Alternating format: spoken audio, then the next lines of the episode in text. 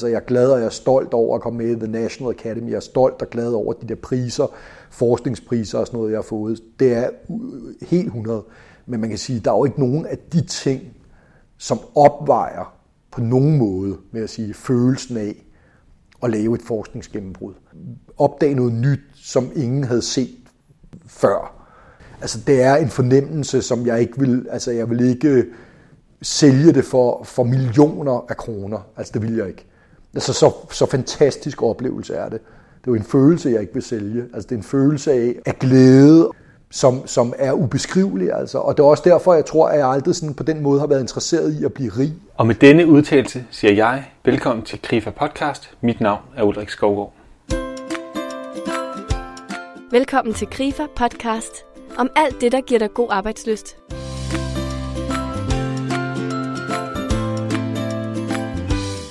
Denne podcast interviewer jeg professor Eske Villerslev, verdens førende DNA-forsker, som flere gange har ændret verdenshistorien, som da han ved hjælp af barneknogler fra Montana fastslog, at Amerikas forfædre indvandrede omkring 1000 år tidligere, end det står i historiebøgerne. Og senere, da han som den første i verden afkodede hele aboriginernes arvemasse ud fra en 100 år gammel tot hår. Jeg har mødt Eske på hans kontor på Naturhistorisk Museum i København om en snak om passion og om viljen til at nå sine mål, men jeg lægger ud med det simple spørgsmål, hvordan det føles at ændre verdenshistorien. Men altså, det er en, en, altså for mig er det en ubeskrivelig følelse, og jeg ved godt, at måske nogle af de der ting, som man så siger, er, vil, vil ændre verdenshistorien, og så sidder en eller anden herre fra Danmark derude og siger, hvad fanden skal vi bruge det til, eller hvad, hvad nå, eller et eller andet. Men for mig personligt, øh, det er for eksempel bare, om du vil, i gåsøjne, at kunne øh, for eksempel ændre vores, skrive, øh, vores skolebøger om, eller historiebøger om, eller hvad det nu er. Det er en helt fantastisk og ubeskrivelig stor glæde. Altså det, jeg, jeg synes, det er så interessant, og jeg synes også, det der også er interessant ved det, det er, at det er så uforudsigeligt, altså, kan man sige, selve resultatet, altså hvad, hvordan vores historie har været, hvordan vi ser på noget, hvad der egentlig var den rigtige historie, om du vil. Det er så uforudsigeligt, og det er jo også det, der er det spændende ved det. Altså hvis jeg sad og lavede noget, som hele tiden, hvor resultatet i virkeligheden er, der er jo nogen, der siger, at de onde tunger siger, at videnskaben beviser bare det, som vi alle sammen vidste i forvejen. Ikke? Men sådan er det ikke med det, jeg laver, meget af det. Der er det faktisk sådan, at du kan få resultater ud, hvor man siger sådan, hold da kæft mand, Gud, det var helt anderledes end det, jeg havde troet, agtigt. Ikke? Altså vi sidder jo også, når vi starter nogle projekter, diskuterer vi jo også indbyrdes, hvad tror vi, at der kommer ud af det? Hvad tror vi, det viser? Ikke? Og jeg er stort, altså de fleste gange er jeg for gal på den. Altså ja, man må bare sige, altså, du, altså på den måde forstå, at det, det, der bliver resultatet, er faktisk overhovedet ikke det, jeg troede ville være resultatet. Ikke? Og det er jo også det, der gør det så spændende. Altså, fordi så sidder du som sådan en lille barn nærmest og venter på, øh, hvad, hvad viser det egentlig? Ikke? Hvad er det egentlig? Hvordan var det egentlig, det skete, det her? Ikke? Og øh, det, det, jeg synes, det er, det er fantastisk. Altså. Det er øh, utrolig, altså den måde føler jeg mig utrolig privilegeret, at, at, at jeg kan få lov til det. Altså at være med til det. Det synes jeg er rigtig fedt. Eskes eventyr til USA, Australien, Grønland og Sibirien har gjort, at han ofte har fået kælenavnet Indiana Jones. Men hvordan har han det egentlig med det? Ja, altså man kan sige, at i starten, øh, da det, det der Indiana Jones og sådan noget, der var, synes jeg, det var skide irriterende, og, og det syntes jeg, fordi at øh, i starten, og især dengang, hvor jeg ikke var så kendt for min forskning, altså der kan man sige, det alle vil høre om, det var min tid som ekspeditionsfar pelsjæger. Jeg kan huske, da jeg skulle ind i Meierheim, ikke, så, så ville han kun høre om det der pelsjæger, og så blev jeg simpelthen nødt til at sige, jamen hvis jeg, I får mig ikke ind, med mindre jeg også får lov at tale om min forskning. Og den, derfor var jeg sådan meget irriteret, fordi jeg, var, jeg gad ikke ligesom være i den der bås med, med, med hvad det der. I dag, der har det faktisk okay med det, fordi der er, altså der har været masser ude i, i offentligheden omkring min forskning, og, og man kan sige, øh, Indiana Jones, det er jo en, øh, kan man sige, en populariseret beskrivelse af, i virkeligheden måske meget godt, hvem jeg er. Jeg er en blanding, altså og min historie er i hvert fald en blanding af både eventyr og, og, og forsker. Og på den måde er det jo, altså det er jo også lidt det, Indiana Jones er. Han er både arkeolog, og så er han eventyr, ikke? Så, så altså det, det synes jeg egentlig er, Så i dag har jeg det egentlig okay med det, og man kan også sige, det er en anden ting i det. Ikke? Altså, jeg valgte, da jeg startede med at kommunikere min forskning, altså populært, der besluttede jeg mig for, at jeg vil lave forskning, eller jeg vil i hvert fald lave en forskningskommunikation, som, som, som for alle. Altså det, det, for mig var det et kriterie at komme så bredt ud, altså ud de steder til den del af befolkningen, som normalt ikke nødvendigvis hører eller interesserer sig for forskning. Øh, så, så mens at, du godt, jo, når jeg sidder i DR2 Deadline, så kan man sige, jo, fint nok, men jeg sidder sådan set og taler til folk, der allerede er interesseret i nogle intellektuelle emner. Det, der, øh, og det er fint, altså det vil jeg gerne, men der, hvor jeg er rigtig stolt, det er sådan noget, når jeg kom i ugens rapport eller sådan noget. Ikke? Altså, du kan godt, så var der en nøgen, billede af en nøgen dame på den ene side, og så var der et billede af mig med noget, et eller andet forskning på den anden, eller familiejournalen eller sådan noget.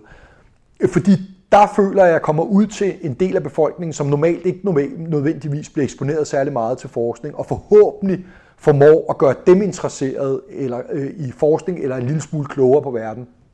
Og øh, så det er der, hvor jeg synes, det er, og der må, må man bare sige, når du går ud i sådan nogle medier, hvis du går så bredt ud, så bliver du også nødt til at, at være indstillet på, at det bliver formidlet på en anden måde, end det du er vant til. Altså, at det er måske lidt på en anden måde, du føler, at jamen, hvad er det overfladisk? Det er sådan typisk det kollegaer siger, ikke? Eller, ej, hvor er det overfladisk? Eller at man bruger netop øh, øh, navne som Indiana Jones og sådan noget. Ikke? Der er det bare sådan, fuck det, altså. Brug whatever I vil, altså, og det gør heller ikke noget, det er overfladisk, fordi så længe, at det kommer ud, og der er nogen, der ligesom kan sidde og sige, Gud, nu ved vi, at alle mennesker, alle mennesker kommer fra Afrika eller et eller andet, som måske ikke vidste det i forvejen, ikke? så synes jeg egentlig, det har været en succes. Altså, så, så, så jeg synes, der, der har det sådan, der kravler jeg gerne ned fra Eiffelbenstårnet, øh, uden at blinke, altså, og lægger mig fladt på jorden for, at, at der, øh, hvis det kan komme ud øh, så bredt som muligt. Jeg bliver interesseret i at høre, hvordan Eskes interesse for DNA-forskning opstod. Oprindeligt vil jeg gerne lave et speciale, som handlede om, øh, hvordan indvandringen fra øh, Sibirien ind til Amerika, altså oprindelsen af de amerikanske indianere. Men det kunne jeg ikke få lov til øh, dengang, fordi at øh, der havde man ligesom, øh, det, der var kun et laboratorie her i Danmark, hvor man som arbejdede med sådan noget molekylær biologi øh, i, i sådan en evolutionær sammenhæng. Altså. Og der sagde ham der lederne, det der sådan noget, det der sådan noget amerikaner noget der, det gider vi ikke have noget med at gøre her. Så, så jeg måtte finde på noget andet, øh, og øh, så kom jeg sammen, Anders Hansen og jeg, vi var to studerende, som ville skrive speciale sammen. Vi, vi kom så i kontakt med en, en gammel professor, som faktisk var lige på vej på pension på det tidspunkt, der hedder Ben Christensen, og han sagde så til os, prøv at høre, øh, altså I vil gerne arbejde sådan noget med, vi, vi vil gerne arbejde med gammel DNA, altså DNA fra gamle knogler og sådan noget, ikke? og det kunne vi så ikke få lov til. Men så sagde han, prøv at høre, hvad med, at I kigger på de der iskerner, som bliver boret på Grønland, og se om vi kan få DNA ud af de der iskerner, fordi iskernerne, det, det jo består jo i virkeligheden af, af sne, som er faldet gennem tiden, ikke? og så under så stort tryk, så bliver det til is, øh, og øh, man har boret så de her iskerner, fordi det, der kan du så studere, hvordan sammensætningen af den her sne er gennem tiden, og det kan så sige noget om klimaet, klimaforandringerne over tid. Og sagde han, jamen det der sne, når det falder ned, så kan det jo være, at det tager alle mulige mikroorganismer, bakterier og svampe og sådan noget med, med sig. Og det vil sige, hvis I studerer dernede, så kan I så finde ud af, hvordan var sammensætningen dem, af mikroorganismer gennem tiden. Så det kastede vi os øh, ud i, øh, og det var en, altså det tog os to år at lave det der speciale der.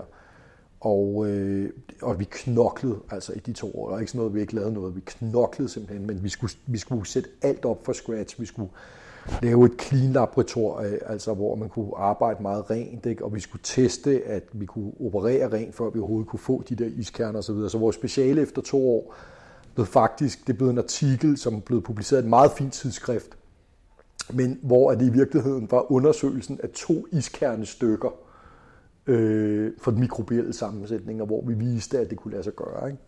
Ja, du sagde, det, det kunne være, at man kunne få DNA. Ja, de her det var der ingen, der havde vist før. Nej. Så det var helt nyt, og det var, da vi, den der artikel kommer ud, så får den også virkelig meget opmærksomhed, øh, og vi, jeg kan huske, vi blev ringet op af, af blandt andet NASA, altså i, fra USA, og sagde, så sagde de sådan, jamen, vi vil gerne snakke med professor Villerslev, og øh, så sagde de her på den, der tog telefonen, her er der ikke nogen, der hedder professor Villerslev. Der er en Villerslev, men han er skam ikke professor. Jeg var ikke, han var ikke engang doktor eller noget endnu.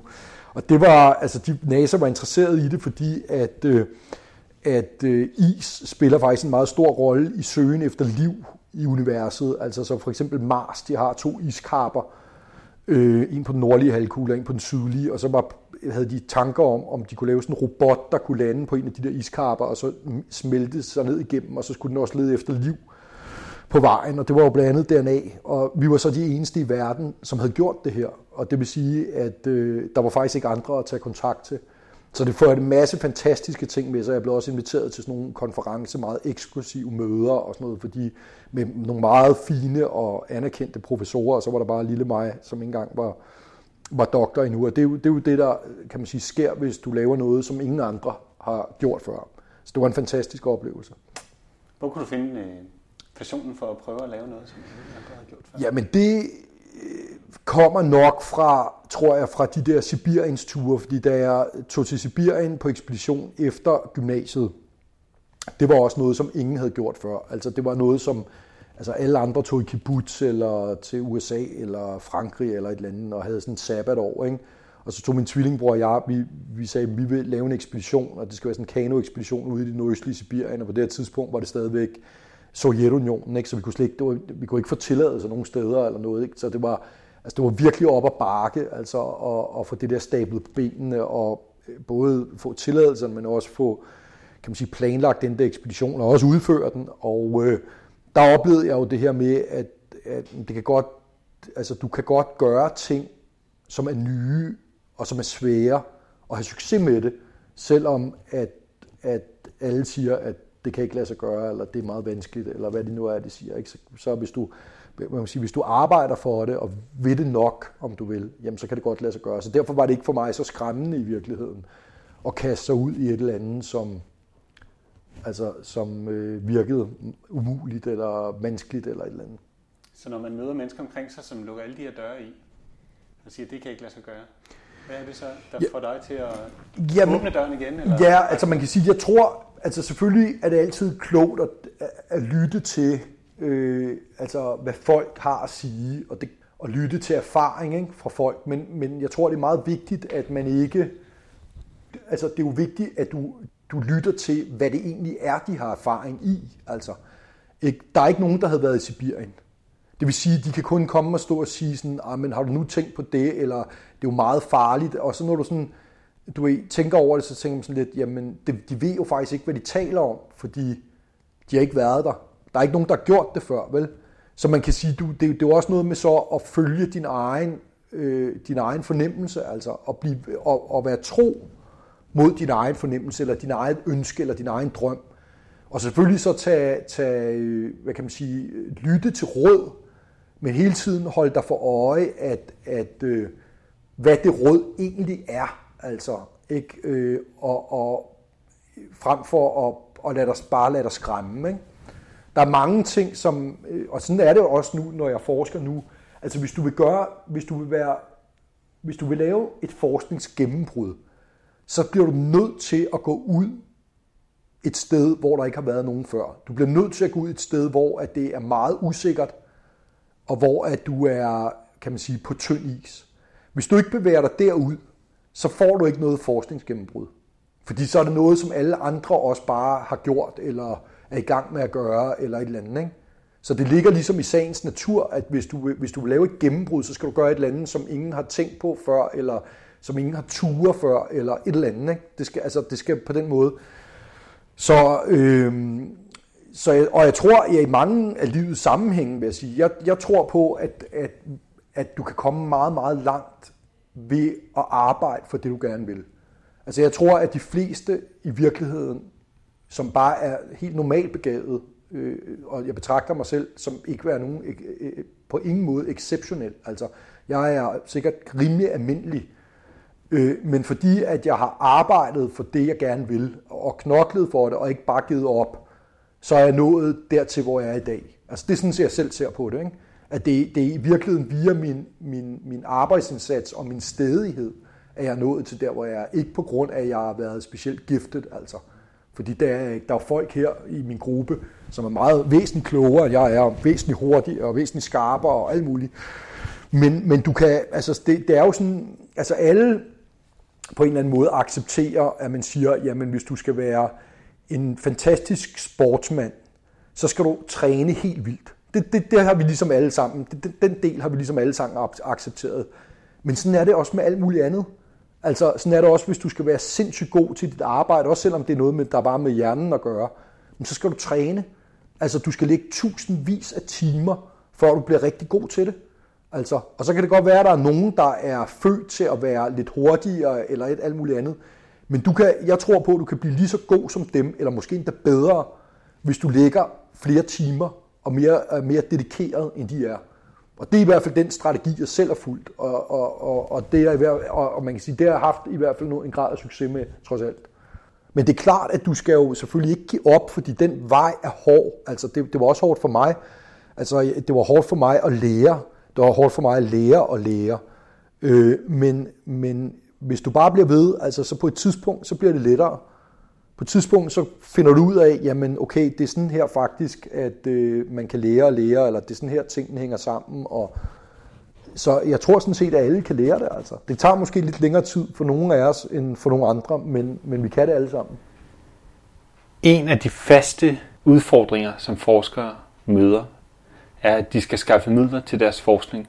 Hvordan møder Eske en af de udfordringer? Ja, men det der med at blive sat tilbage, kan man sige, og ikke formidler, øh, altså det har jeg prøvet mange, flere gange ja. i, min, i min karriere. Altså at... Øh, Altså det her med, at du, du har en eller anden, altså det prøvede jeg allerede helt der tilbage fra specialet, ikke? At, at, øh, at man laver det her forskningsgennembrud, og jeg får topkarakter og, og publicerer i et af verdens fineste tidsskrifter, og så kan jeg ikke få nogen PhD. Jeg ventede jo halvandet år altså på overhovedet at få en PhD, hvor jeg bare gik rundt, kan man sige, for lud og koldt vand. Ikke? Øh, og det er jo igen det her med, men jeg ville det så meget, Altså, jeg ville så meget. Jeg vidste, at jeg ville være forsker. Dengang vidste jeg ikke, at jeg ville være professor, men jeg vidste, at jeg ville være forsker. Og, og jeg ville det så meget, at jeg var simpelthen villig til at, og kan man sige, bare knokle videre, selvom jeg ikke fik nogen løn eller noget. Ikke? Så bare blive ved, indtil at der bød sig en mulighed, og jeg kunne få den der PhD. Og det er jo noget med det der med ikke at give op, selvom at det bliver lidt svært, fordi jeg tror for alle mennesker, som, øh, hvad kan man sige, ligesom prøver at nå toppen af, af, af det område, de arbejder indenfor. 99,9 procent af alle de mennesker, der er nået toppen, har jo mødt modstand mange gange på deres vej. Sådan er det jo. Det ligger i sagens natur. Selvfølgelig møder du det. Du møder at, at situationer, hvor at der er nogen, som får noget, som du egentlig føler, at du var, det var dig, der burde have fået det. Ikke? En stilling, eller hvad det nu er. Ikke? Penge til at forske for whatever og der kan jeg kun sige, altså, der må man, altså, der er kun en vej, man. Det er at smøre ærmerne op og blive ved, altså. Og hvis du bliver ved, så skal det nok komme til dig. Det mener jeg. Så kommer det til dig til sidst. Hvor er det, du finder energien til at eller viljen? Jamen, man kan sige, det er jo i min, i min, øh, i min glæde ved det, jeg laver. Altså, det, jeg tror, det er vigtigt. Altså, jeg, jeg har prøvet at være meget tro mod min, min drømme, altså mine, mine, mine ønsker. Altså, det, altså det, mine ønsker og mine drømme har, ligesom sikkert mange andre mennesker, har jo ændret sig over tid. Altså, ikke, at man ændrer, hvad det egentlig er. Du starter med, alle sammen vi gerne vil være politimand eller brandmand eller sådan noget, når vi er små, ikke? og så bliver vi pludselig sådan noget andet og sådan noget. Men, men jeg har bare forsøgt på at være meget tro mod mine drømme, altså, og så sagt, okay, men det her, nu er det det her, jeg gerne vil. Og så kan det godt være, at det ligger ret langt ude i horisonten, hvad det egentlig er, jeg gerne vil. Men så har jeg arbejdet mig mod det mål. Og så kan det godt være, at på vejen, så finder du ud af, at jeg vil egentlig hellere det her, fordi du bliver ligesom klogere, ikke? og udvikler dig selv, og så er der måske en afstikker fra det, og siger, at jeg vil egentlig hellere det her end det første, men så drejer jeg bare af, og så arbejder jeg mod det nye mål. Men jeg har altid, kan man sige, arbejdet mod det mål, også selvom det mål lå meget langt ude i horisonten, og virkede som om det var, kan man sige, af mange sager, men det er, hvad kan man, altså, det er jo helt uopnåeligt, eller altså, det, det, det, det, det kan du jo ikke, eller så bare simpelthen stille og roligt arbejdet mig hen imod det. Og det, altså, på den måde har jeg været tro mod det, jeg gerne ville. Og det tror jeg er vigtigt. Altså, jeg tror, det er vigtigt, at man... Øh, i hvert fald for mig er det vigtigt, at, at jeg har et mål, og for at jeg kan lægge den energi i det, som det kræves. Ikke? Altså fordi så ved, du ved jo, så ved jeg, hvor jeg gerne vil hen. Jeg ved, hvorfor jeg gør det. Jeg er så grebet af, af forskningen, og jeg synes, at det, du er godt, det giver så meget mening for mig i, i livet at lave det. Så altså, det, det er også derfor, jeg ser det ikke som en, øh, på den måde en... Øh, Altså du ved, jeg ser det ikke som en kæmpe opoffrelse, eller hvad man kalder det. Altså det er klart, at sådan er det jo med alle jobs, tror jeg. Altså der er jo ting, som er sjove, og så er der ting, der er mindre sjove, ikke? Og sådan er det. Der er ting, der er svære, og der er ting, der er lettere. Og der må man bare, altså det, sådan er det jo, når du bevæger dig hen mod en drøm, noget du gerne vil. Jamen, så må du tage det sure med det søde, ikke? Altså du må ligesom også sige til dig selv, altså jeg skal også gøre det her, og det synes jeg ikke er så, så fedt lige nu. Men, men til gengæld, så kan jeg se derude i horisonten, ikke? Det er faktisk der, jeg rigtig gerne vil hen, og der vil det her, det, det, må, det er en del af parken på en eller anden måde at komme derhen. Ikke?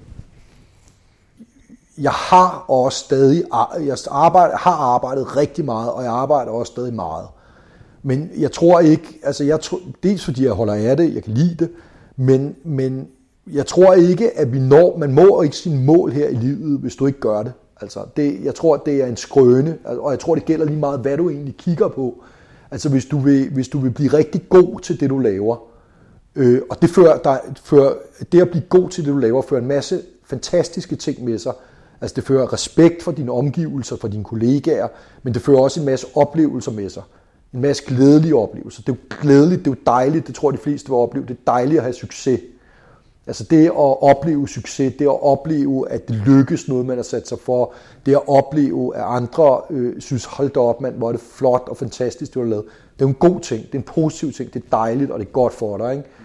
Og, og, øh, og man kan sige, at nå dertil, det tror jeg gælder stort set alle jobs, jeg kan komme i tanke om, jamen det kræver bare meget arbejde. Altså, du kommer, der er ikke nogen af os, der bliver født bare til at kunne altså, komme derhen.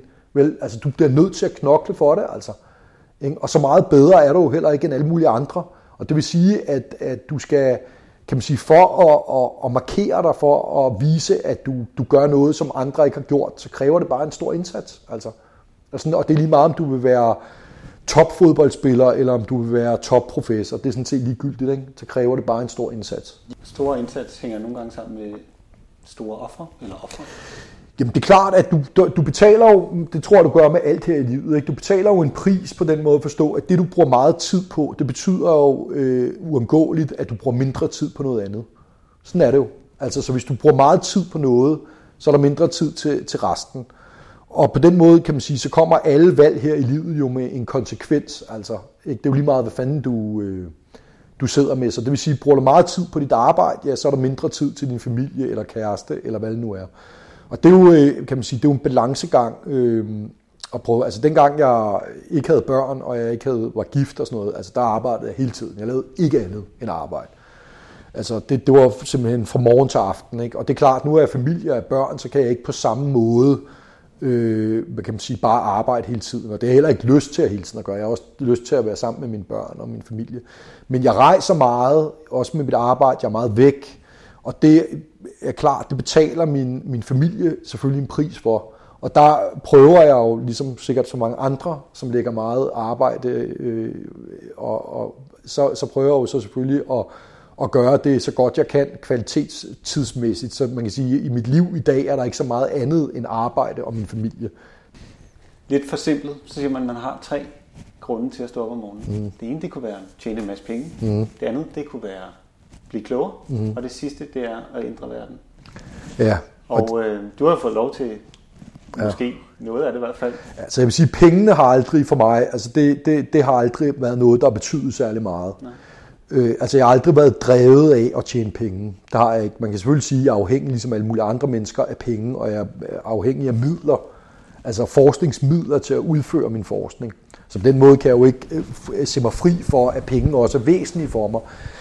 Men det er sådan selv at tjene penge, kan man sige, selv at blive velhavende, om du vil. Det har aldrig været, det har aldrig været dry drive for mig. Altså jeg vil sige, det er blevet mere vigtigt for mig her, efter jeg har fået familie.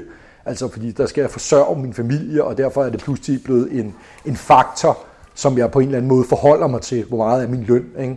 Før det, der var jeg fuldstændig, altså det, det, jeg, jeg anede ikke, hvad jeg tjente den der. Altså du godt, det, det, jeg gik slet ikke op i det. Øh, men, men det at, hvad kan man sige, at, at, at opdage noget nyt, og også det at ændre verden, det er noget, der har drevet mig. Det er der ingen tvivl om. De to elementer øh, at, har helt grund, været grundlæggende drivkræfter hos mig. Altså, og når man tænker på at ændre verden, er det jo ikke kun nødvendigvis, at man du ved godt, øh, finder en eller anden pille eller et eller andet. Altså det kan jo være så småt som bare, at du siger, jamen, du ændrer vores forståelse af en eller anden ting i verden. Ikke? Øh, altså selvom det måske bare er, at lærebøger bliver skrevet om, og at nu ser man anderledes på det med menneskets udvikling, eller hvad det nu kan være, end det, som man gik rundt og læste før, det mener jeg stadigvæk er, øh, hører ind under det at ændre verden. Ikke? Og, og det har været en, helt klart også en drivkraft der. Du nævner dedikation, mm. fascination mm. til nogle af de her mm. vigtige driver i din karriere. Mm. Helt sikkert. Altså det er øh, fascination øh, og, og dedikation. Altså man kan sige, du... Øh, og så er det også ambition, altså. Det vil sige, det er, en, det er alle tre ting. Altså det er selvfølgelig, kan man sige, som udgangspunkt har jeg haft, har jeg haft det, det, hvad kan man sige, været så heldig, at jeg har fået, altså, at jeg har fået lov at arbejde med noget, som virkelig interesserer mig. Og det er jo selvfølgelig et virkelig godt udgangspunkt, ikke? Altså at, at have det, at man er interesseret i det, man skal bruge en masse tid på. Øh, men, øh, og, og, og så er jeg meget nysgerrig, altså det er jo, i mit fag med at forske, så handler det jo om at opdage nye ting, og ikke at undersøge ting, og det, det vil sige, at altså, det er jo perfekt, altså falder meget godt sammen ikke, med, at man er nysgerrig på verden osv. Øh, men der er, også et, et, der er også noget af det, der er ambition, altså det vil sige, at ønsket om at blive den bedste til det, du, til, til det jeg nu laver. Ikke? Altså, og, så, så det, og, og, og jeg tror ikke, man skal underkende det at have ambitioner, altså fordi det, det er en meget stærk kraft altså, til at få dig igennem også de tider, hvor det måske ikke er så sjovt, ikke? Eller hvor du skal lave noget, som du måske ikke synes er det mest spændende eller mest interessante her i verden. Men der gør du det alligevel, fordi du har en ambition om at nå over på den anden side og nå et eller andet, som du synes er mere vigtigt ikke? og er mere spændende og mere interessant. Så det, det, det er også en kraft, som, er, altså, som jeg ved godt, at der sikkert vil være en del forskere, når de sidder, når, man, når jeg hører forskere blive interviewet, så sidder de og siger sådan, der, jo, men det er kun nysgerrigheden, det er, fordi, at nysgerrigheden af det hele. Og der må jeg indrømme, den tror jeg bare ikke på. Altså, det er rigtigt, det er en meget, meget væsentlig del, og det er et fundament i det at være forsker, altså helt fundamental del at være det, men det er ikke det eneste. Altså, du har også folk, der når langt, også i forskningsverdenen, har også en ambition, for ellers når de ikke dertil. Altså, så det er en kombination af begge dele. Hvordan brænder du igennem, uden at brænde ud? Det er jo, så, det er jo et rigtig godt spørgsmål, og det, det tror jeg, at man skal være meget opmærksom på, øh, hvis man er sådan en som mig. Øh, og, og det gælder sikkert mange andre mennesker, som kan man sige er, er øh, om du vil, arbejdsnarkomaner, eller hvad man kan kalde det, i hvert fald er meget dedikeret til det, de laver. Og det, jeg har fået fortalt af nogle kloge mænd, øh, og øh, som jeg sikkert tror er meget rigtigt, det er, at altså, øh, altså jeg har haft en tendens i mange, mange år til ligesom at lægge mig i den absolut spidsen af raketten. Altså, ikke? altså være helt ude i spidsen af raketten, og der er ude hele tiden. Og det er noget, der slider på dig. Altså det, det, det, det slider. Der er ingen tvivl om, at det slider. Og, altså, og, og man kan også, jeg kan, jeg kan mærke, at altså, de sidste 5-6 år af mit liv, altså der er jeg helt klart ældes hurtigere, altså fordi at jeg har ligget ude i den der raket der spids. Og der tror jeg, at kunsten det er, øh, siger de kloge, at man ligger så lige under spidsen. Ikke? I stedet for at ligge helt ude i spidsen, så skal du lægge dig øh, lige under den, således at der altså, og dermed sagt, at der faktisk sikkert ligger en balance. Altså, at man ikke skal, man skal ikke presse sig selv så meget, så at, hvad kan man sige, at du netop brænder ud. Ikke? Du skal ligesom formå at se, om du kan lægge dig sådan, at du presser dig selv, men uden at presse dig ud over kanten. Ikke? Og det er, altså det er jo en, en, altså for sådan en som mig, der er det en, en hårfin balance. Altså det er svært for mig. Altså det er også svært, det er faktisk svært for mig at lægge mig lidt tilbage. Altså fordi jeg er vant til at ligge helt derude. Og det er ligesom der, øh, du ikke godt, så jeg skal ligesom sætte bånd på mig selv i virkeligheden, for at få mig lidt tilbage. Men det er nok klogt. Jeg tror, det er klogt at gøre det, og jeg håber, at jeg får succes med det, fordi ellers så kan man sige, så tror jeg, tror jeg at der er en, altså, så er der en tendens til, at man på et tidspunkt kommer til at brænde, brænde ud. Ikke? Mm-hmm. Hvad er dit bedste råd, når man møder modstanden eller den lukkede dør? Hvordan Bliv ved. Op igen? Bliv ved blive ved med, altså man kan sige, det er at holde dig dit mål for øje. I stedet for at, kan man sige, opgive, så hold dit mål for øje. Og så nogle gange kan det godt betale sig bare at blive ved med at stå og låse på den dør. Men der er også andre gange, hvor det kan betale sig om lige at kigge sig rundt og så se, er der en anden vej. Men det er det målet, du skal holde dig for øje. Ikke? I stedet for at lade dig øh, hvad kan man sige, stoppe af, af, af modstanden eller døren, så hold dig målet for øje, og så sige til dig selv, hvis jeg bliver ved med at prøve at komme enten igennem den dør, eller rundt om den dør, så kommer jeg det også. Tak for det, Eske. Ja, selv tak.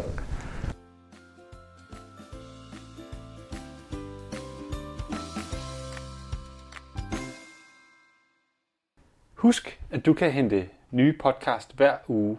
Derudover kan du besøge vores nye arbejdsglædeunivers på arbejdsløst.dk. Tak fordi du lyttede med, og på glædelig genlyt.